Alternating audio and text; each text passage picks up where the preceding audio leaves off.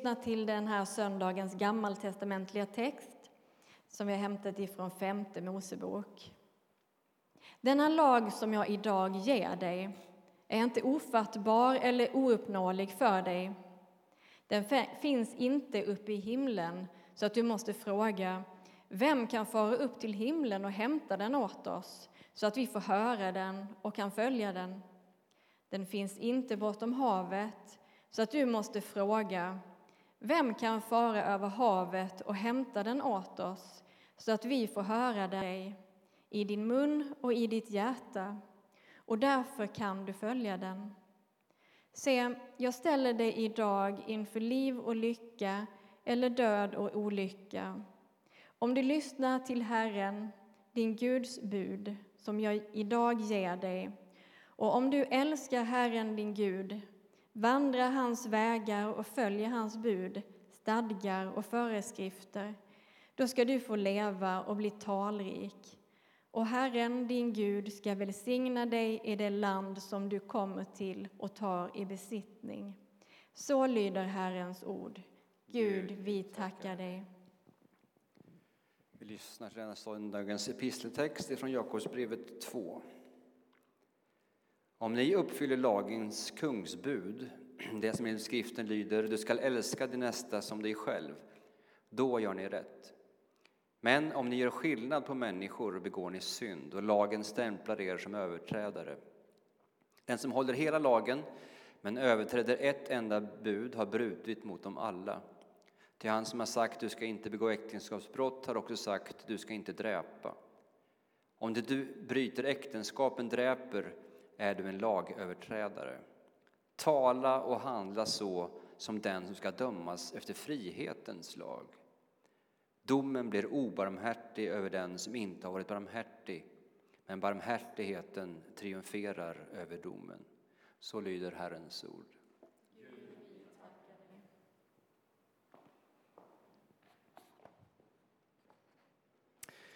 Öppna också då era hjärtan och hör dagens heliga evangelium från Markus evangeliet kapitel 10, verserna 17 till 27 i Jesu namn.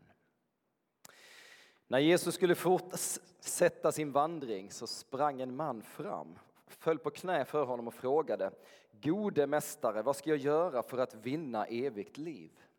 Jesus svarade Varför kallar du mig god? Ingen är god utom Gud. Du kan budorden du ska inte dräpa, du ska inte begå äktenskapsbrott, du ska inte stjäla, du ska inte vittna falskt, du ska inte ta ifrån något det som är hans. Visa aktning för din far och, och din mor. Mästare, sa mannen, allt detta har jag hållit sedan jag var ung. Och Jesus såg på honom med kärlek och sa, ett fattas dig. Gå och sälj allt du har och ge åt de fattiga. Då får du en skatt i himlen. Kom sedan och följ mig. Vid de orden mörknade mannen och gick bedrövad sin väg, för han ägde mycket.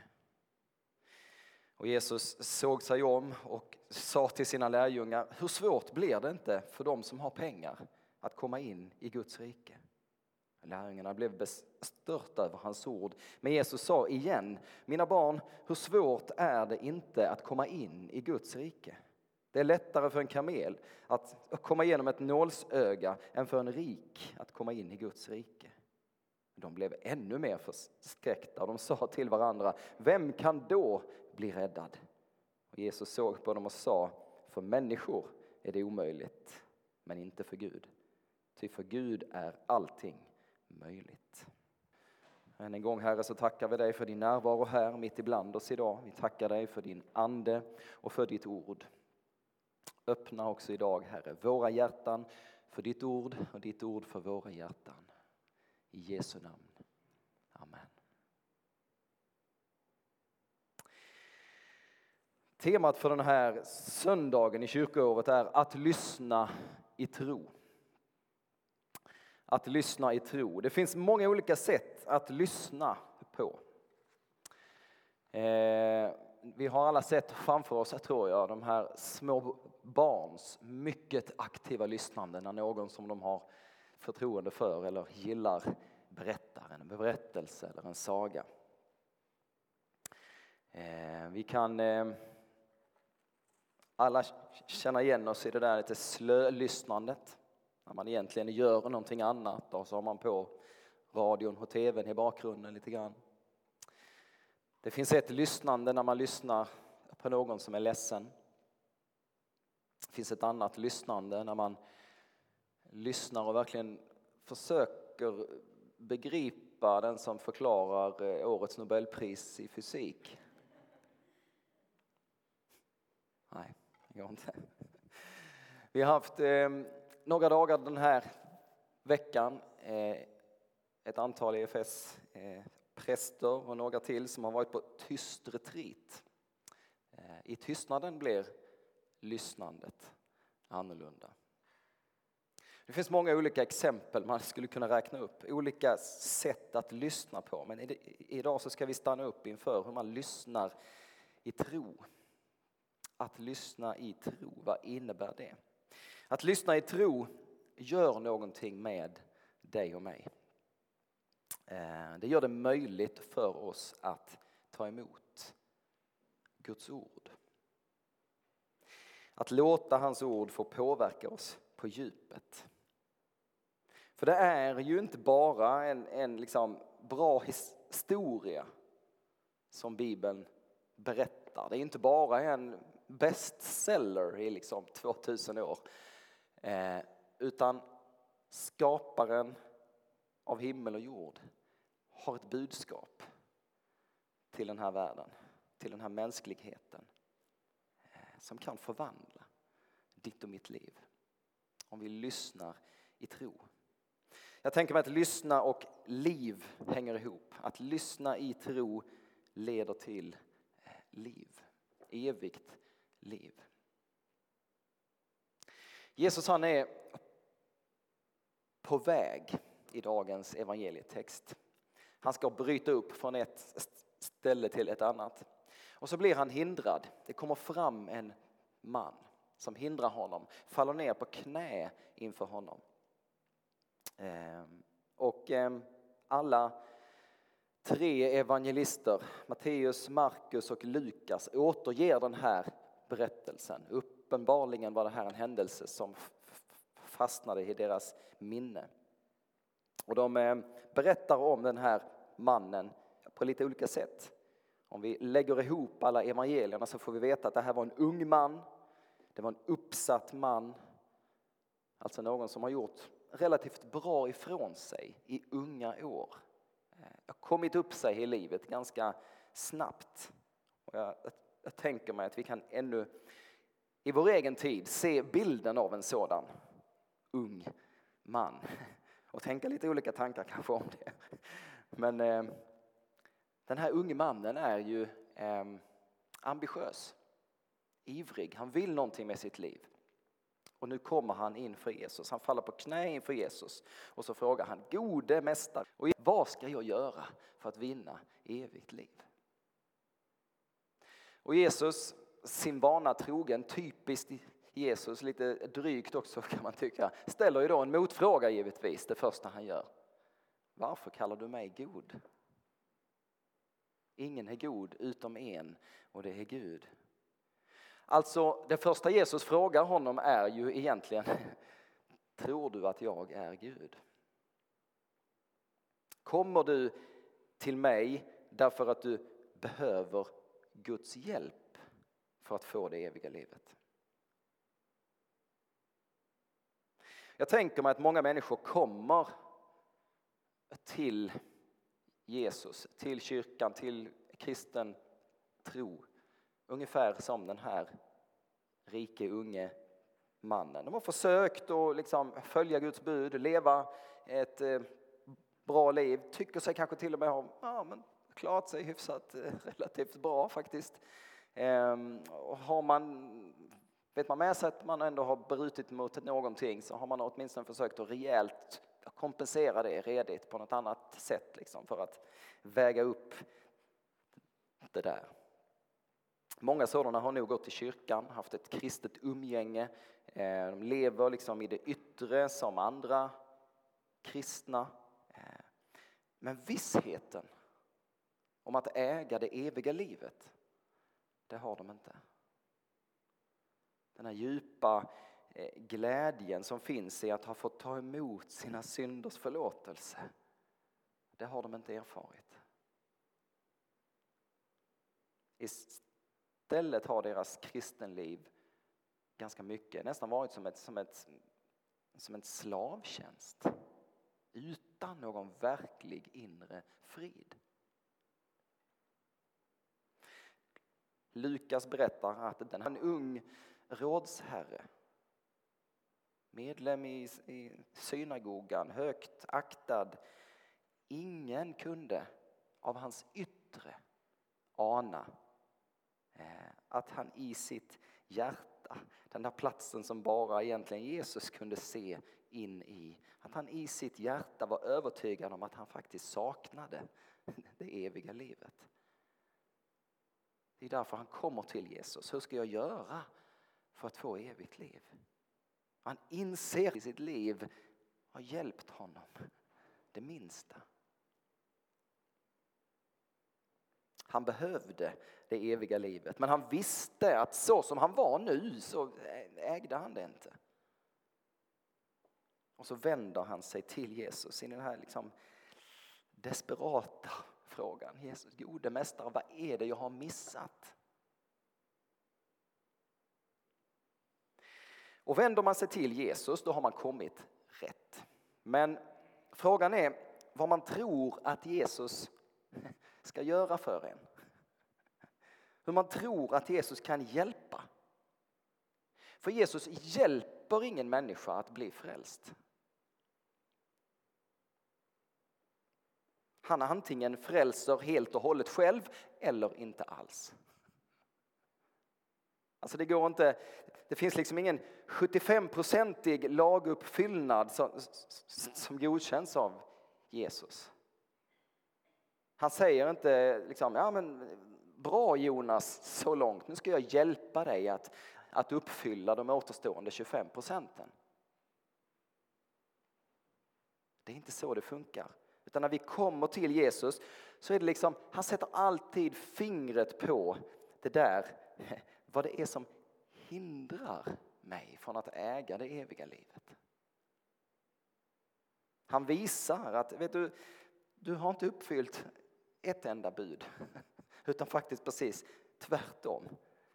Även om du tror att du med dina lemmar har uppfyllt ett antal bud så har du alltid i ditt hjärta, i din attityd gjort det som är synd i Herrens ögon.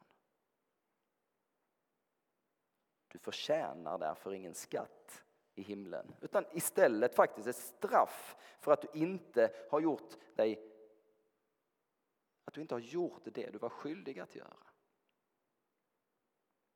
Och jag vet, det här låter hårt och det låter kallt men vet du vad? Lagen är sådan. Inte i sig själv givetvis, då är den god och helig, ett uttryck för Guds evigt goda vilja, men som en väg till frälsning. Evigt liv så är den obarmhärtig.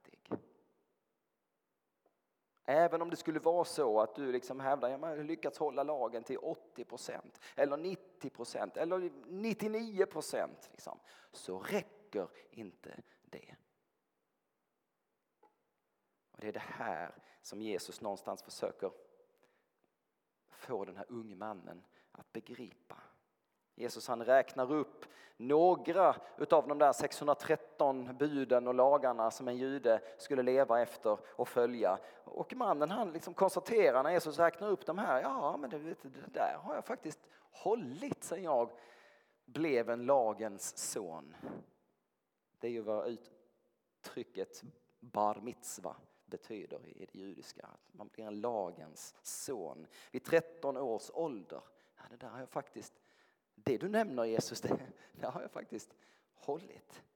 Han hade verkligen gjort ett ärligt försök eh, på egen hand, men Jesus såg att det ändå fattades något hos den här mannen. Så Jesus han säger till honom att han ska gå och sälja allt han äger och skänka de pengarna till de fattiga och sen ska han komma och följa Jesus. Och vi kan bara liksom, varför ger Jesus honom denna uppmaning? Och det är inte en generell uppmaning som Jesus ger till alla. Vi vet ju av evangelietexterna att det fanns ju många välbärgade människor, eller åtminstone en del, som följde Jesus som hans lärjungar. De verkar inte ha fått den här direkta uppmaningen från Jesus. Så vitt vi kan se och begripa så fanns det inget bud heller i lagen som direkt talade om det här. Snarare var det precis tvärtom. I det gamla förbundet, i det gamla liksom tankesättet så var det ju ett var du rik och framgångsrik så var det ett bevis på att Gud verkligen liksom stod bakom dig. Att du var välsignad av Gud. Det är inte konstigt att, att den moderna framgångsteologi nästan enbart citerar ifrån GT. Liksom. Det finns ju en poäng där. Jesus han ser ju givetvis in i den här mannens hjärta. Han ser vad det är i den här mannens hjärta som innehar den främsta platsen. Vem det är som sitter på tronen i den här mannens hjärta. Av någon anledning så räknar ju Jesus bara upp de budord här som gäller mellanmänskliga relationer. Jag vet inte om ni noterade det. Men det är bara de budord som har med, med människa till människa att göra som Jesus nämner. Eh, och han utlämnar ju det, det, det viktigaste, det mest grundläggande. Allt vad han äger. Och när Jesus ber den här unga mannen att gå och sälja allt vad han äger Eh, så utmanar han ju det där, själva liksom kungsbudet i lagen i den här mannens eh, liv. Och Jesus såg ju givetvis in i hans hjärta. Han såg att det var ju hans rikedom som intog plats nummer ett i hans hjärta, i hans liv. Det var hans pengar, hans egendom som skänkte honom liksom, lycka, säkerhet, trygghet, mening, status.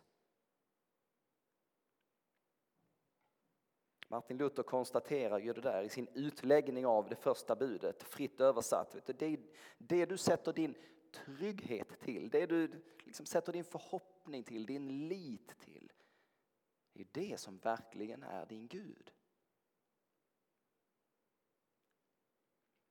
Så trots att den här mannen har gjort allt han kunde för att liksom försöka följa lagen så hade han ju inte fått frid i sin själ, frid i sitt hjärta. Och när han nu får svaret av Jesus att han ska sälja allt han äger, ge till de fattiga och sen följa med Jesus så går han därifrån bedrövad. För att han ägde så mycket. Han ville inte skiljas från sina ägodelar. Han ville inte skiljas från det som var det som gav honom hans trygghet, hans lycka, han visar ju i den här handlingen vad det var som var hans Gud.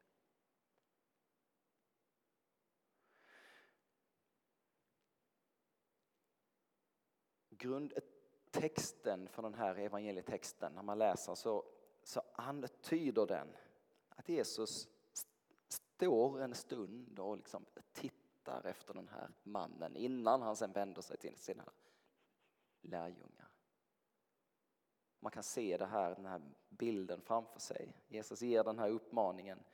Ehm, och ehm, Jesus tittar efter den här mannen som sakta, bedrövad, lunkar bort.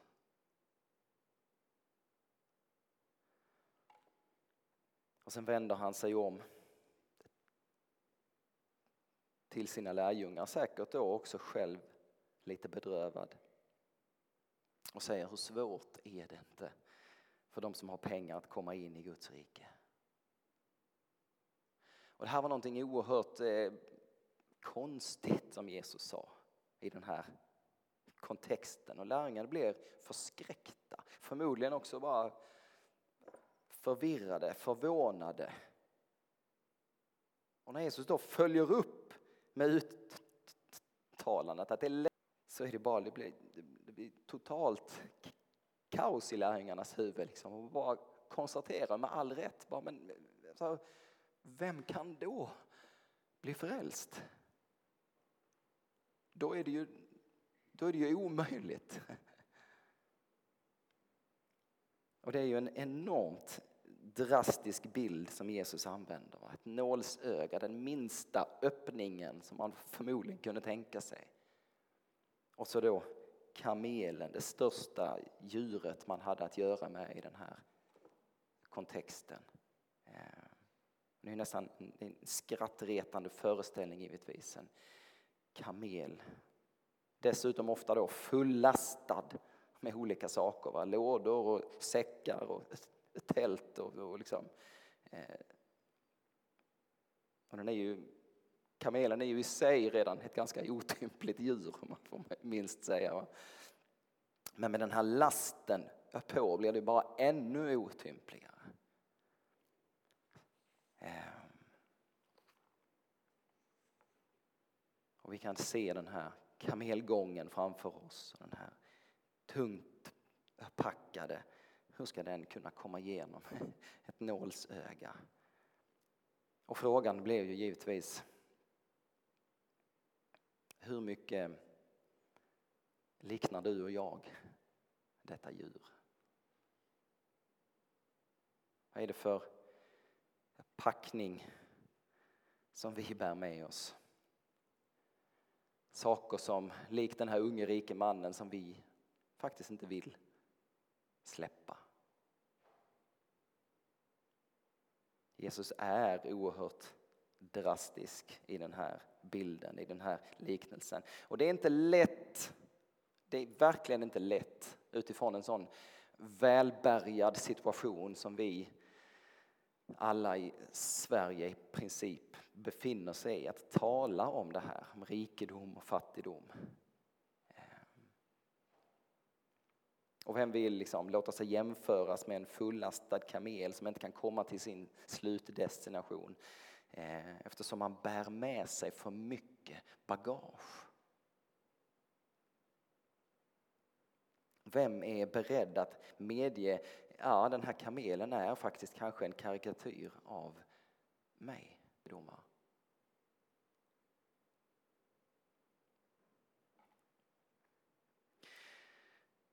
Med våra mänskliga öron så är ju givetvis det här uttalandet om kamelen som ska komma igenom ett nålsöga en omöjlig uppgift. Slutsatsen blir ju att det, det är omöjligt att komma till Gud.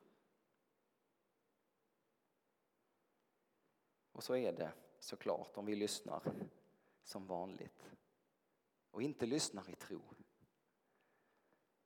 Gode mästare, vad ska jag göra för att vinna evigt liv? Svaret på den frågan, vem kan bli frälst? Det är ju för människor är det omöjligt. Men inte för Gud.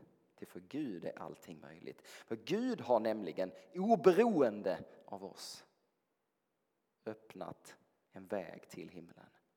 Han har sänt sin enfödde son till den här jorden. Gud behövde göra allt det där själv på egen hand. Och allt vi behöver göra är att ta emot, att följa Jesus, att lyssna till honom, att lita på honom. Jag kan fortfarande minnas känslan första gången då vi lejde bort ett renoveringsjobb i vårt hus. Ska du, när du ska göra allt själv också? Vi har köpt eh, äldre hus genom hela vårt liv av någon anledning. Vi har inte råd med något annat.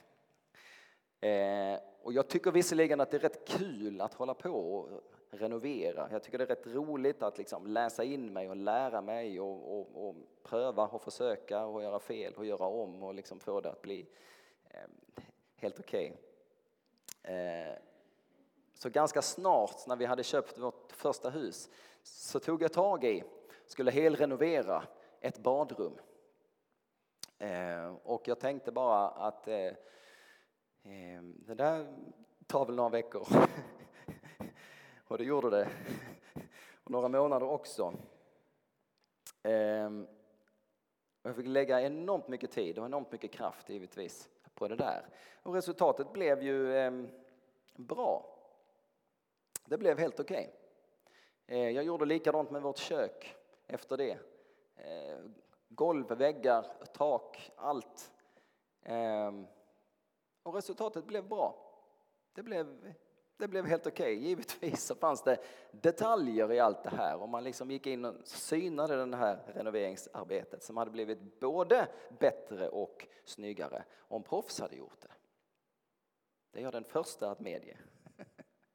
Eh, och det tog också väldigt mycket kraft och energi eh, och tid utav det här. Några år senare eh, i vårt andra hus, eh, också gammalt, så skulle vi helrenovera, hela taket behövde bytas.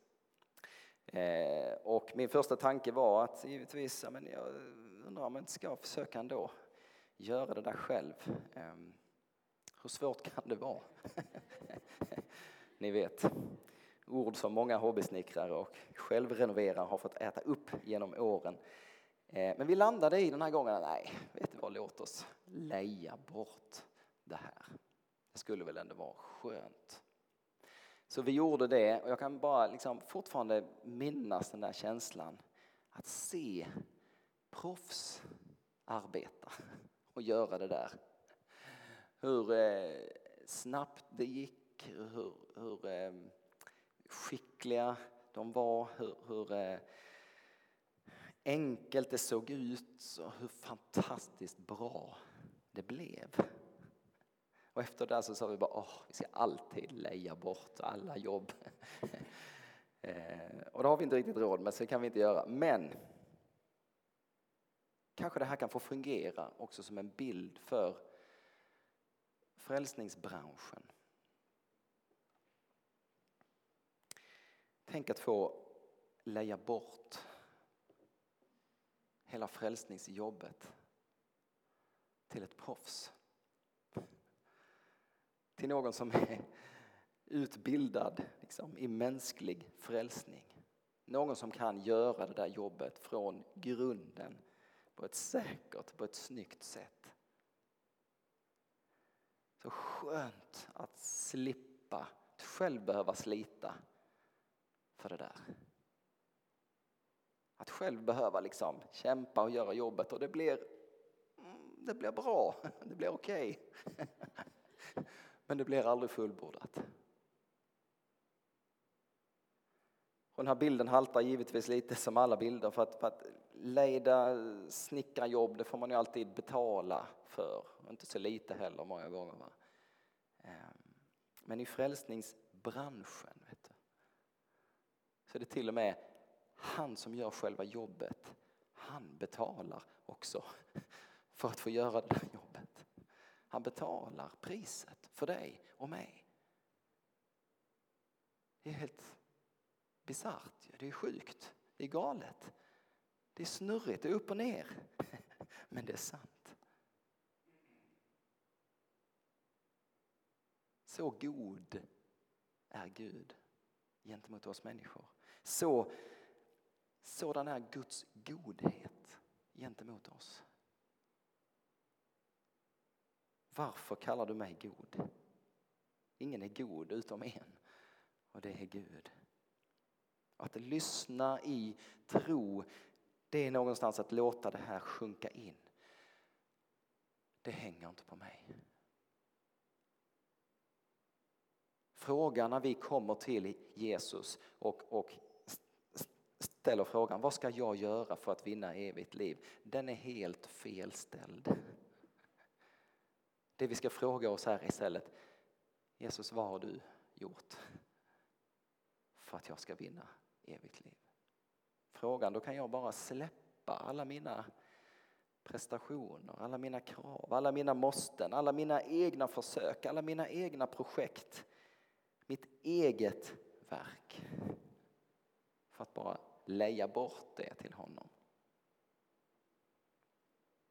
som är i frälsningsbranschen. Låt honom göra det. Låt honom ta hand om det där. Låt honom fullborda. För människor är det omöjligt, men inte för Gud. Ty för Gud är allt möjligt. Ära vare Fadern och Sonen och den helige Ande, nu och alltid och i evigheters evighet. Amen.